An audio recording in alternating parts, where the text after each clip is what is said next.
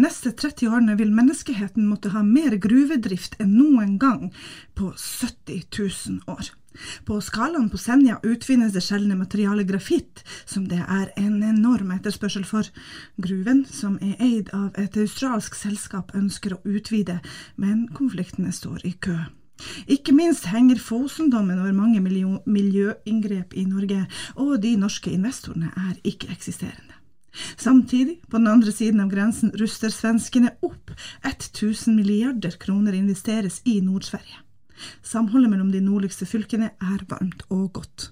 I Sverige, altså. Både tog og vei bygges ut, alt på grunn av gruvedrift i Kiruna. I dagens Snakkis uh, borer vi oss langt ned, nesten 2000 meter under jorda, og spør hvorfor har verden gått helt av hengslene i jakten på mineraler, og hva betyr det for Nord-Norge? Velkommen til Snakkes, en podkast fra Nordlys. Jeg er Maja Sojteric.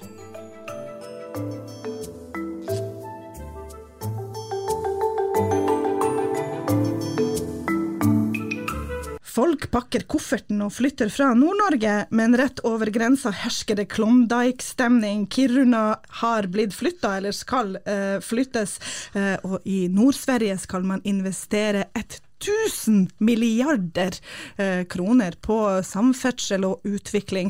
Og som Carl I. Hagen en gang sa, eh, så er ikke en milliard en stor million, det er 1000 millioner kroner. Jeg tror ikke folk er klar over hvor mye penger det er. Eh, min kollega her i Nordlys, Egil Pettersen, har vært i Kiruna og snakka med bl.a. seksbarnsfaren Patrick, som mer enn gjerne tar familien sin tilbake til eh, Nord-Sverige. Eh, hei, Egil. Hei. Ja, du, hva, fortell meg litt om hva er det som skjer i Kiruna? Hvordan er stemninga der? Det er jo et vendepunkt på mange måter. Og at han Patrick måtte flytte, så var jo det en konsekvens av lav etterspørsel etter jernmann, lave priser. Han måtte ha seg arbeid. Han var som faren eh, håndverker, og da var det plutselig jobb å få i Hammerfest. Da skulle Melkøya etableres. Han dro dit, hadde kona De hadde ikke så mange unger da på slep, men han hadde forankring til vår region, for han er jo da kven, han er finsk, svensk, norsk, har familie i Reisadalen. Det var fint for han. Mm. Kom, hadde det veldig fint. Kona fikk etter hvert også jobb i Tromsø. Mm. De begynte å få unger. Og så ble det slutt på utbygginga av Melkøya. Og så kom da muligheten som åpna seg i det nye Kiruna, nemlig flytting av byen. Bror hans starta en entreprenørbedrift, begynte å få arbeid og rive hus. Og han Patrick eh, dro etter. Eh, de begynte å få flere og flere unger. Og da vi møtte han, så var det midt i det gamle sentrum, der man nå river ene praktbygget etter det andre. Historisk. Hotell Ferrum, blant annet, der vi brukte å bo når vi var og dekka uh, som nordlyssportsjournalister uh, Kiruna-spelen. Der fant jeg han. Der sto han i et smil og rydda og sny foran en restaurant. For da hadde han en jobb. Og han hadde søkt jobb. Han skulle inn og ned i gruva, 1300 meter under uh, overflata, som maskinoperatør der. Så han var et stort smil. Uansett hva man spurte han om, så var det bra. Ja. ja. Eh, men det aller beste, det var å fiske laks i Reisaelva. Han var eksempelet på de mange smilene vi møtte. Blant annet Micaela Sjøstedt, som har jobba for Sveriges Radio i 15 år. Hun jobber nå på uh, lokalkontoret til Nordlenska Sosialdemokraten. Rundt kontorene deres så rives det ene bygget etter det andre. Men hun var også et stort smil.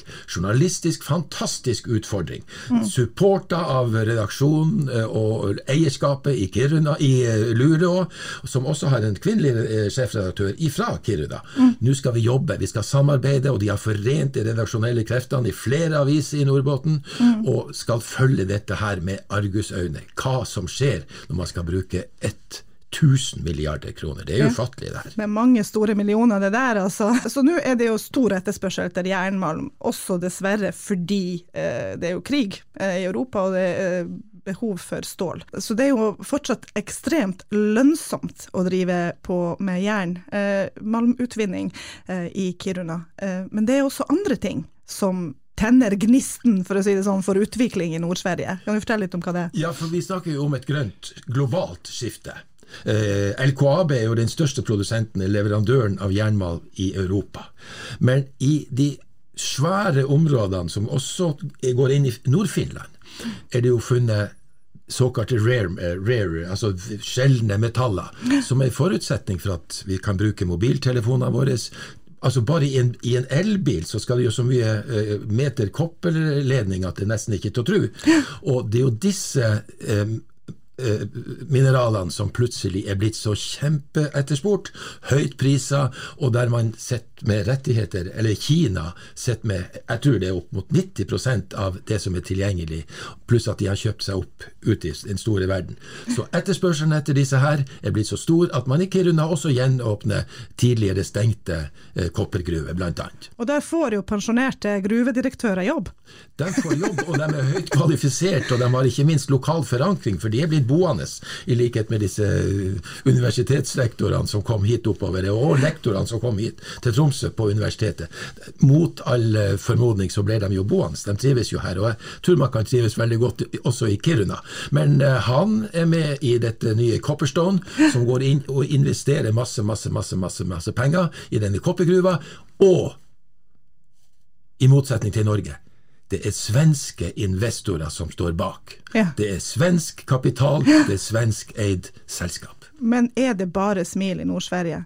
Nei, selvfølgelig ikke. Det er jo mange som fortviler at man river en, en klassisk eh, by som var bygd av, av eh, klassearkitekter i Stockholm, og forankra til den skal vi si, Norrbottens Nordbottens byggetradisjon, den samiske byggetradisjonen. Det var en fantastisk gamleby de hadde, for dere som kanskje har vært i, i gamle Kiruna, som nå rives. Men de tar vare på en del ting som gir smil, og det er jo f.eks. den fantastiske kirka, som for øvrig et norsk, nordnorsk selskap skal flytte. 50 ganger 50 meter grunnflate skal flyttes i sin helhet til det nye sentrum. Der var det for øvrig nesten ikke et menneske å se, så det skal nå bli artig å, å, å få når man får se et perspektiv på det, om det kommer så mye folk som man har, mener å ha behov for. Det er snakk om titusener. Ja.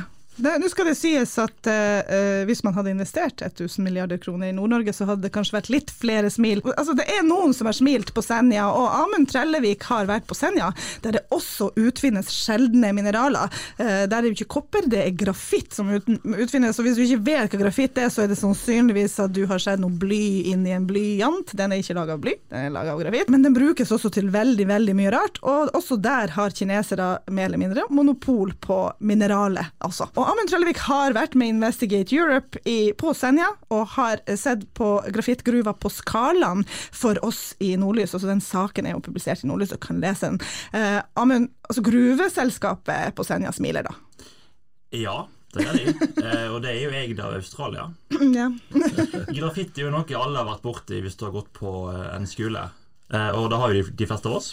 Eh, men grafitt i dag er jo et eh, mineral som er veldig viktig for det grønne skiftet blir brukt i batteriproduksjon, eh, også i smelteverk eh, over hele verden. Fordi grafitten tåler veldig høy varme, så den blir brukt til å lage f.eks. en smelteovn, så du kan smelte stål i. Mm. Eh, og det er klart at Gruva på Senja er jo interessant, for den er, det er den eneste grafittgruva i Skandinavia. Mm. Og grafitt er jo et mineral som Kina også har fullstendig kontroll på. Mm. 2 av verdens grafitt lages på Senja. Mm. Tenk det. Det, sant, altså, det, høres litt ut, men det er jo egentlig ganske masse når, eh, når store deler av resten av grafitten er kontrollert av Kina. Og um, denne grafitten er jo da mange som vil ha tak i.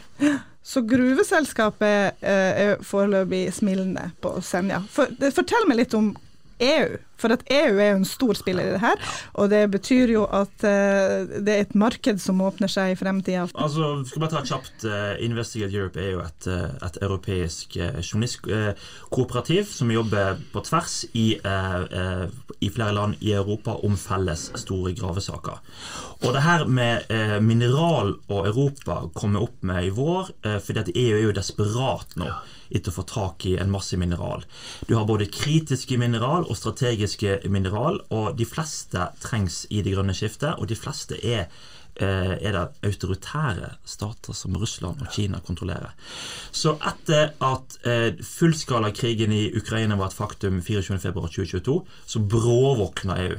Shit, Vi er helt avhengig av russisk gass, men vi er òg avhengig av eh, mineraler fra Kina.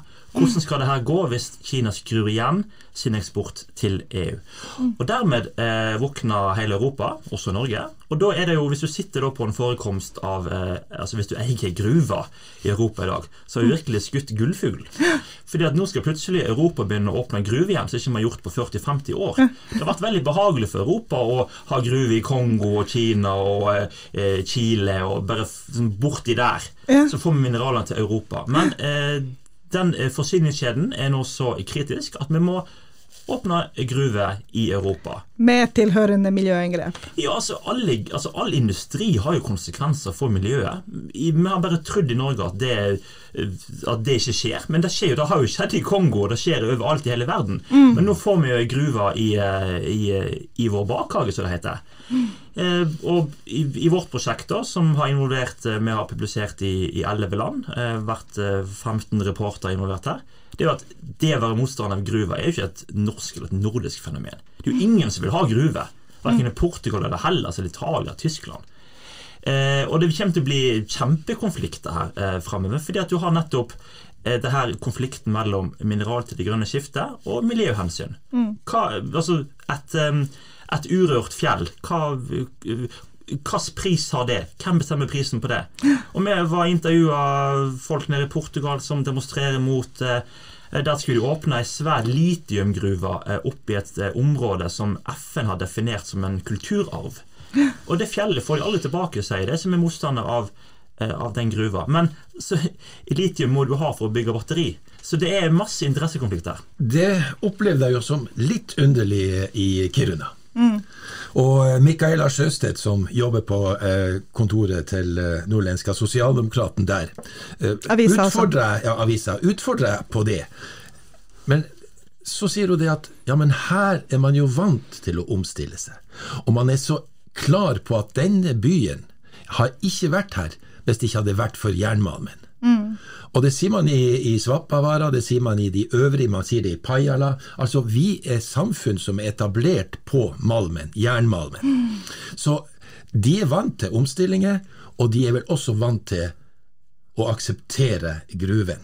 Mm. I Kiruna, I Kiruna så ligger den jo nå djevelsk langt under mm. overflata. Og, og, og, og, de skal lenger ned? Ja, de skal enda lenger ned. Ja, for at, den, den åra de har funnet nå, det er jo den som er så ekstrem eh, svær og så rik på, på malmen at, at, de går ned under den gamle byen og, og dermed gjør den utrygg å bo i. Det er jo gjennom, har gjennomhula jorda der. ja. Så det, det, er jo ja. jordskjelv. Ja, ja, det er jo det.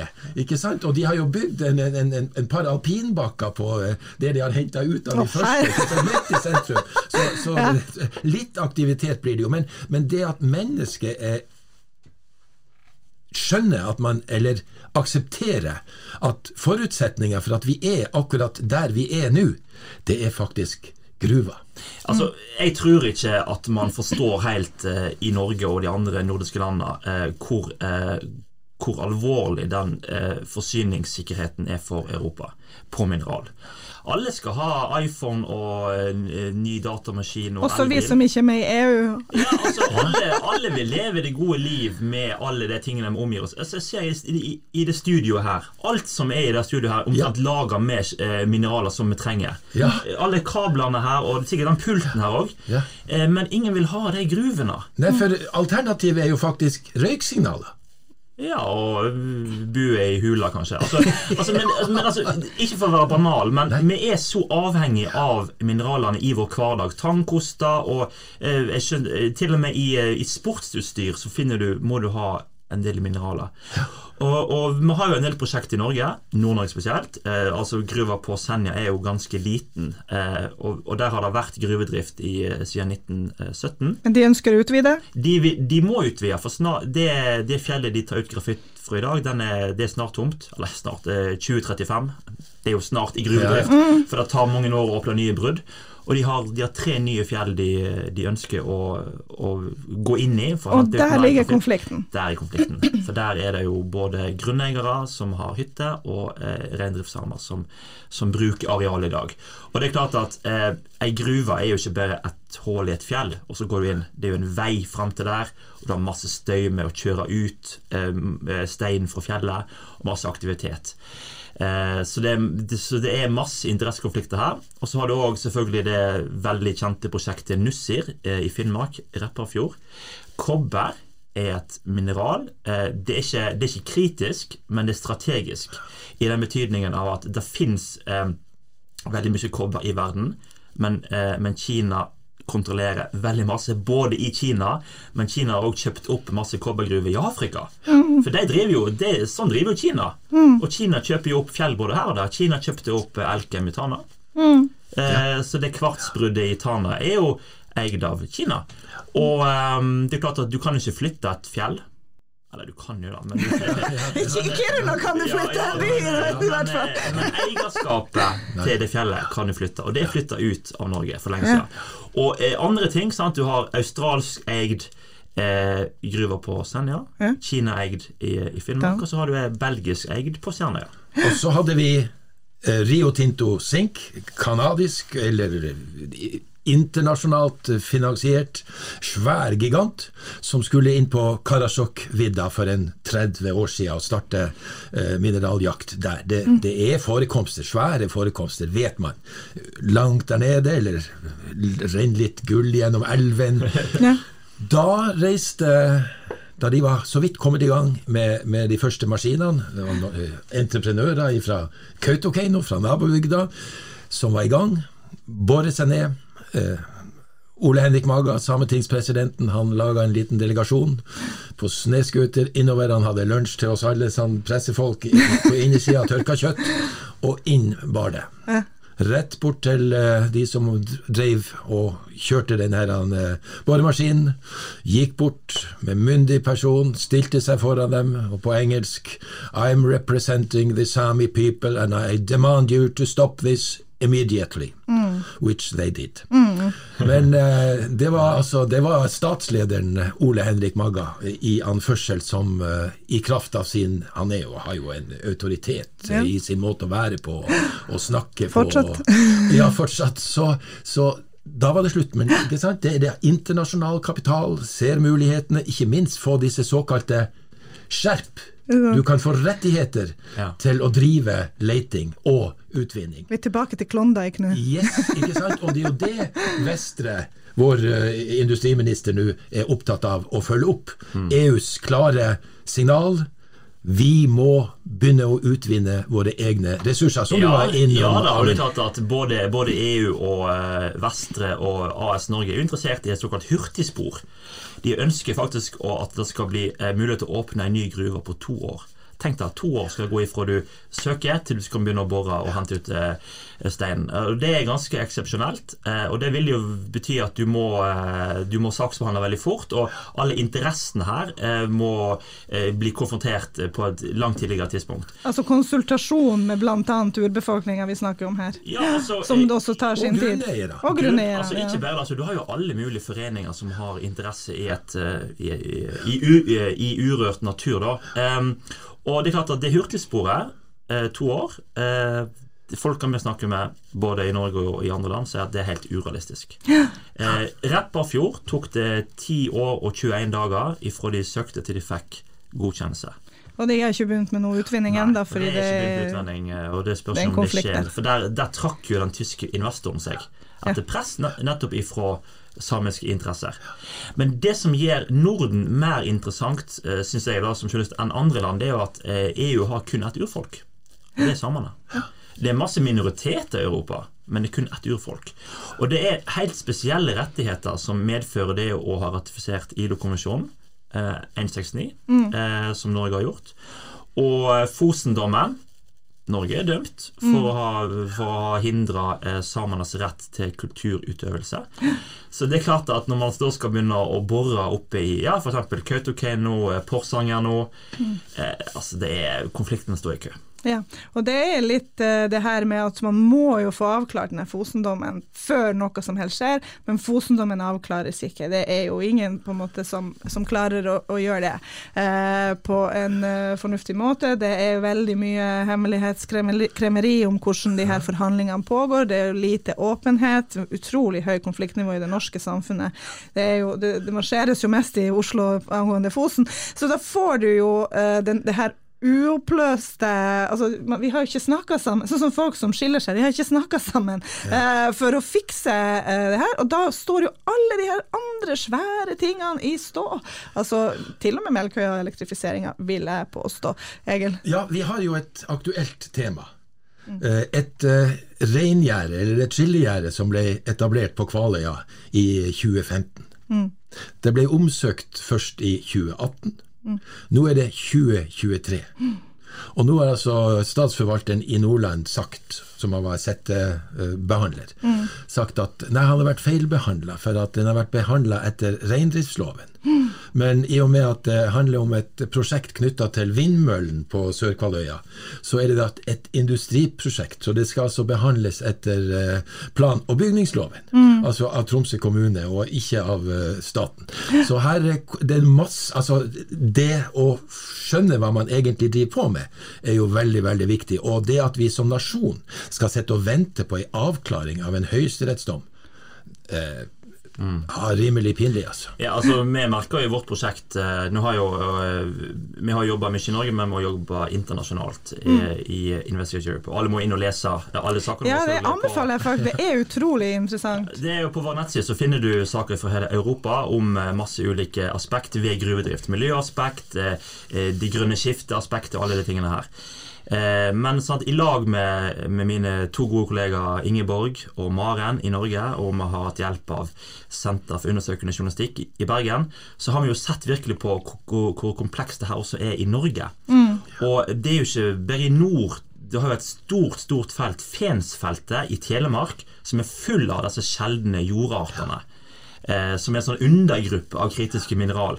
Eh, og Der er det òg interessant å se på hvem eier gruva der, hvem skal mm. bore, og alle de tingene der. Og Man sier jo at Fensfeltet er større enn Kiruna, eh, mener jo de som har peiling på det. Og Det sier litt om eh, hva som ligger der potensielt. Eh, men eh, Fosen-dommen, Fosen som ikke er avklart, ligger som en sånn der eh, eh, på, på, Når det er snakk om gruvedrift eller veiutbygging, eller hva det er, ligger som å hindre. Når ikke Fosen er avklart, så får ikke du andre ting i gang. Og det som jeg opplevde nå i forbindelse med den gjerdesaken jeg jobber med, Sør-Kvaløya, det er jo det at folk blir jo også livredd for å ytre seg. Dette har med følelser å gjøre, det har med mm. naboskap å gjøre. Og så har det med selvfølgelig at man ønsker ikke å bli stempla verken som rasist eller samehater eller reindriftshater. Mm. Men det er jo Debattklimaet er blitt så utrolig polarisert riktig, også i denne ja, saken. Ja. Ja. Så, så, det viser om selv et lite Ikke det, da, men et seks kilometer langt gjerde over Sør-Kvaløya utløser ekstremt mye nære følelser og konfliktfull saksbehandling, mm. som altså fører til det vi har sett her. I, det du snakker om innledningsvis, uh, Amund, er jo at vi har den her 'not in my backyard'-tankegang. Altså, så lenge det skjer et annet sted, så kan vi ha alle de her telefonene og elbilene og alle det her forbruker det er jo veldig mye forbrukerdrevet også, men ikke bare forbrukerdrevet. Altså, vi må jo ha mye mer effektiv måte å utnytte energi på fremover, uh, for at vi skal få uh, lavere CO2-utslipp. Uh, eh, men det er jo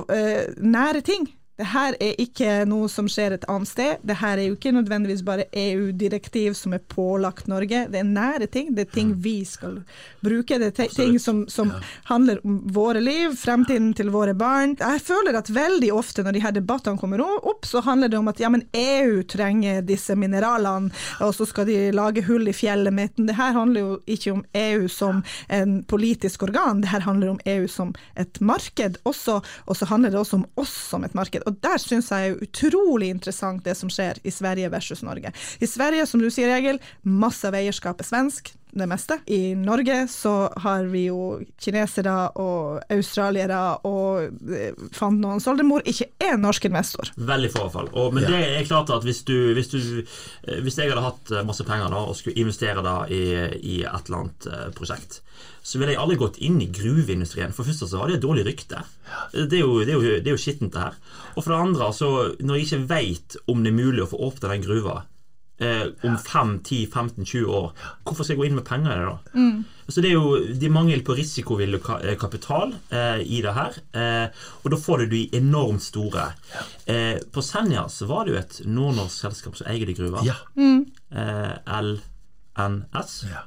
Eh, stor nordnorsk entreprenør. De ble tvunget til å selge gruva. Eh, De ville faktisk ikke selge den Nei. gruva til de australske eierne. de hadde litt masse gjeld, så banken ba de om å selge. De ville, banken ville at de skulle ut av den type gruvedrift. Det at man ikke har risikovillig kapital, er jo et problem for industrien. Og eh, flere vi har snakka med, altså i den norske gruveindustrien, som har lange tradisjoner, men er ganske liten sammenlignet med andre land, sier jo at man burde få etablert et, sånt eh, eh, gruvenes svar på Statoil.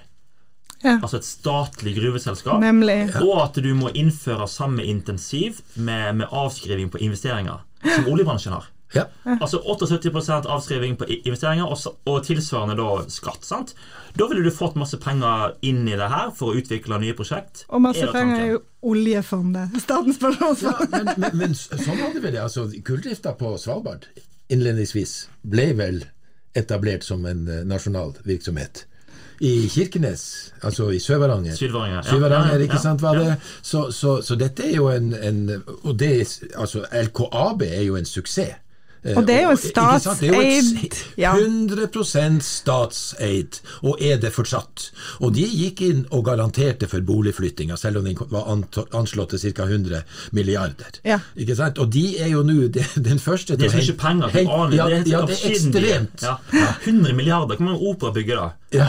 Det er jo 50 operabygg? Jeg vet ikke. Altså, det er jo helt sånn her eh, Det er et enorme summer. Og det, det viser liksom Det viser jo eh, når, når de å ta den risikoen med å flytte byen, hvor mange penger det ligger i de mineralene som ligger da 2000 meter under Kiruna.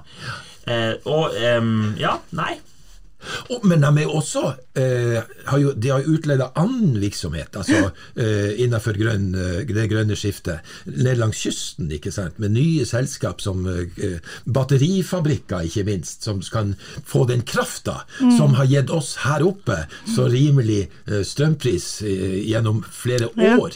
Nå skal de bruke denne her krafta sjøl i Nordbotten og i Vesterbotten. Så hvordan eh, Hvordan vi skal få ja, billig strøm. Vi må bare bygge ut her, flere vindmøller, flere fossefall. For det, det, det som jeg opplevde når vi møtte gruveindustrien da, i både Norge og i utlandet, er at gruveindustrien vet at de har et dårlig rykte.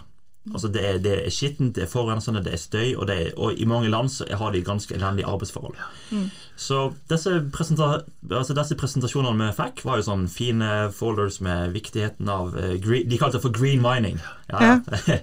For Hvis du bare tar ut et mineral som du trenger til å bygge vindmøller, så er det, det plutselig green. Ja. Og, eh, og hvor viktig det her var for, eh, for verden og for elbil og ditten og datten. Sant? Så det er jo, det er jo en image-transformasjon her. Og Euromines, som er den europeiske gruveorganisasjonen, svær, svær lobbyorganisasjon, de er jo nå eh, begynt å snakke om at vi må sørge for at det grønne skiftet ikke er made in China. Ja, Ja, la oss lage det sjøl. Det men, men jeg må si, altså Helt rett. Det er en svart industri. Vi har sett kullgruvearbeiderne på Svalbard. ikke sant? Vi ser eh, tradisjoner om å kle av seg før man går inn, for man kan ødelegge hjemmene sine. Men så så jeg jo bilder av eh, fasilitetene for de ansatte nede i gruva, som er etablert 1300 meter unna. Det jo, ser jo ut som at du går inn i en eh, rent, det var pent, det var eh, restauranter, det var skifterom, det var Jeg hadde jeg fortsatt ikke gått ned 1300 meter under bakken. Kanskje det gruvearbeidere? Det skulle vært- Men jeg tror, jeg tror det vi egentlig kan runde av med, er jo den her motstanden vi har både politisk og befolkningsmessig mot det grønne skiftet som et, et, konsept kan vi bare legge fra oss.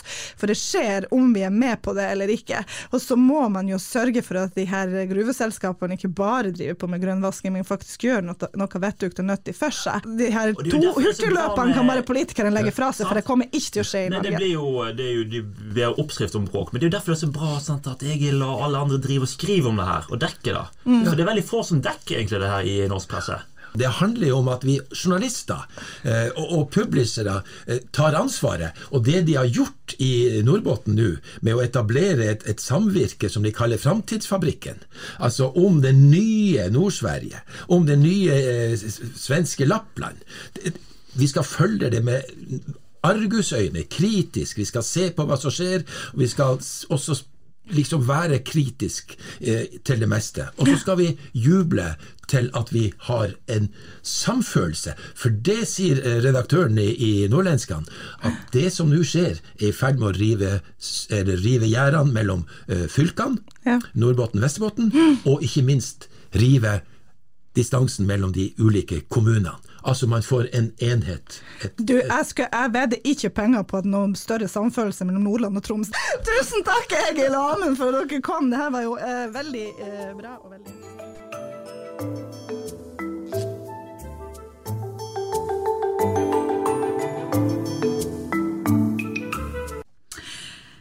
for at du lytta til denne episoden av Snakkes. Eh, vi har bestemt oss for å endre formatet litt og gå eh, nærmere inn på én sak hver gang. Så hvis du er en av våre faste lyttere og er vant til at vi snakker om to eller tre saker, eh, så er det en liten endring her. Men forhåpentlig så gikk vi mer i dybden, bokstavelig talt. Eh, du må laste oss ned på Spotify eller iTunes eller andre steder som du finner dine podkast på. Eh, hvis du følger oss der, så får du varsel når neste episoden kommer. Og vi får bedre tall som vi kan bruke til å se hvordan det går eh, for oss der ute blant lytterne. Eh, håper du har hatt nytte og glede av denne episoden. Eh, så kommer en ny episode ganske så snart, og da skal vi snakke om pilleskam i psykiatrien eh, og medikamentfri behandling her i Tromsø. Tusen takk for oss.